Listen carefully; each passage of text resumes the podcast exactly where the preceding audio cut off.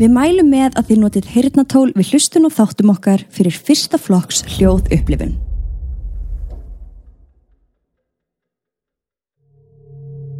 Við viljum minna á að þessir þættir eru alls ekki við hæfi barna.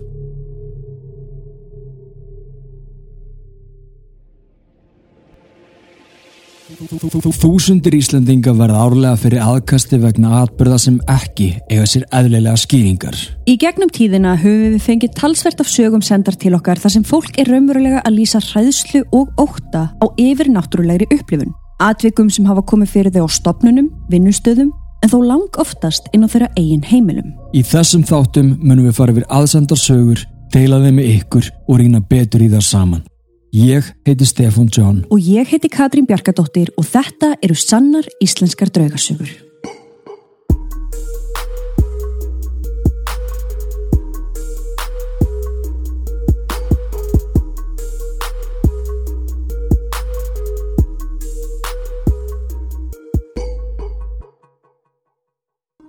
Sæl og blessu kæri áskrifundur, það er sunnudagur, nýr mánuður, jólin handan við hornið og við erum hingað komin í heyrnatólun ykkar, bílan ykkar, heimilin og út um alla trissur til þess að segja ykkur sannar íslenskar draugasögur. Við erum búin að fá svo margar sögur sendar frá ykkur og þær eru allar góðar. En eins og alltaf þá hvetjum við fleiri til þess að senda á sannar.draugasögur.com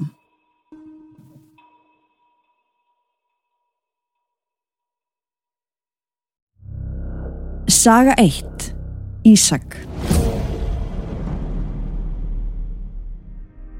Ég á heima í sveit á Austurlandi. Mér fannst alltaf mjög drungalegt þar þegar ég var yngri. Ég var alltaf verið mjög næm og finn fyrir miklu og sé mikið. Árið 2013 var frendi minn heima hjá mér og hann kom að vestan. Hann var 11 ára gamall og ég 7 ára. Einn morgun voru foreldrar mínir að fara í morgunfjós að mjölka kýrtnar og klukkan var 5.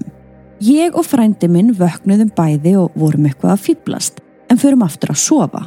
Klukkan cirka 8 vakna ég og fer inn í stofu og þar liggur frendi minn meðvitundalauðs en ég sest hjá honum og reyna vekjan.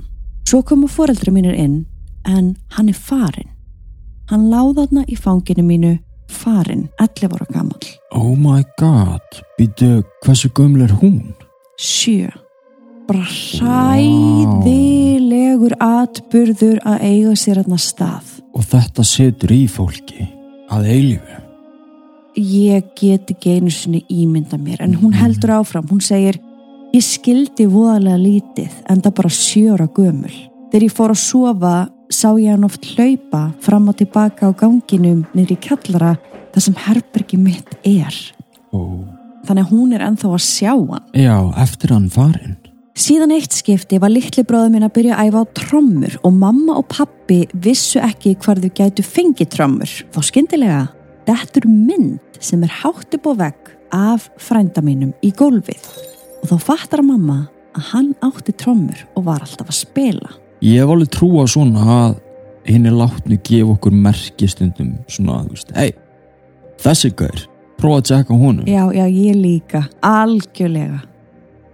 Núna eru tíu ár liðin og ég finn ennþá fyrir honum fylgja mér og heyru stundum prakkara hláturinn hans og síðan brosa í örfáður sekundur. Ég með margar fleiri draugasögur ef þið vilja heyra þær, þá endilega heyrið í mér en ég með helling af sögum. Við bestu kveðjum, Anna Jóna.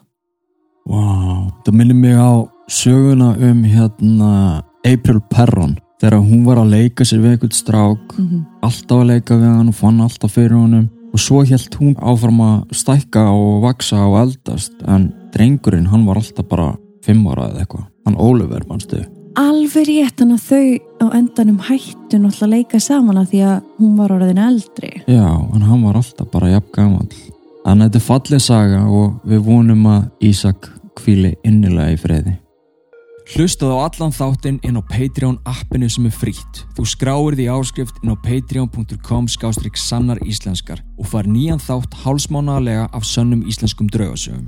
Engin binding og þú far aðgang á öllu efninu strax við skráningu. Svo af hverju ekki prófa? Ég meina, vilt ekki vita hvernig sagan endar?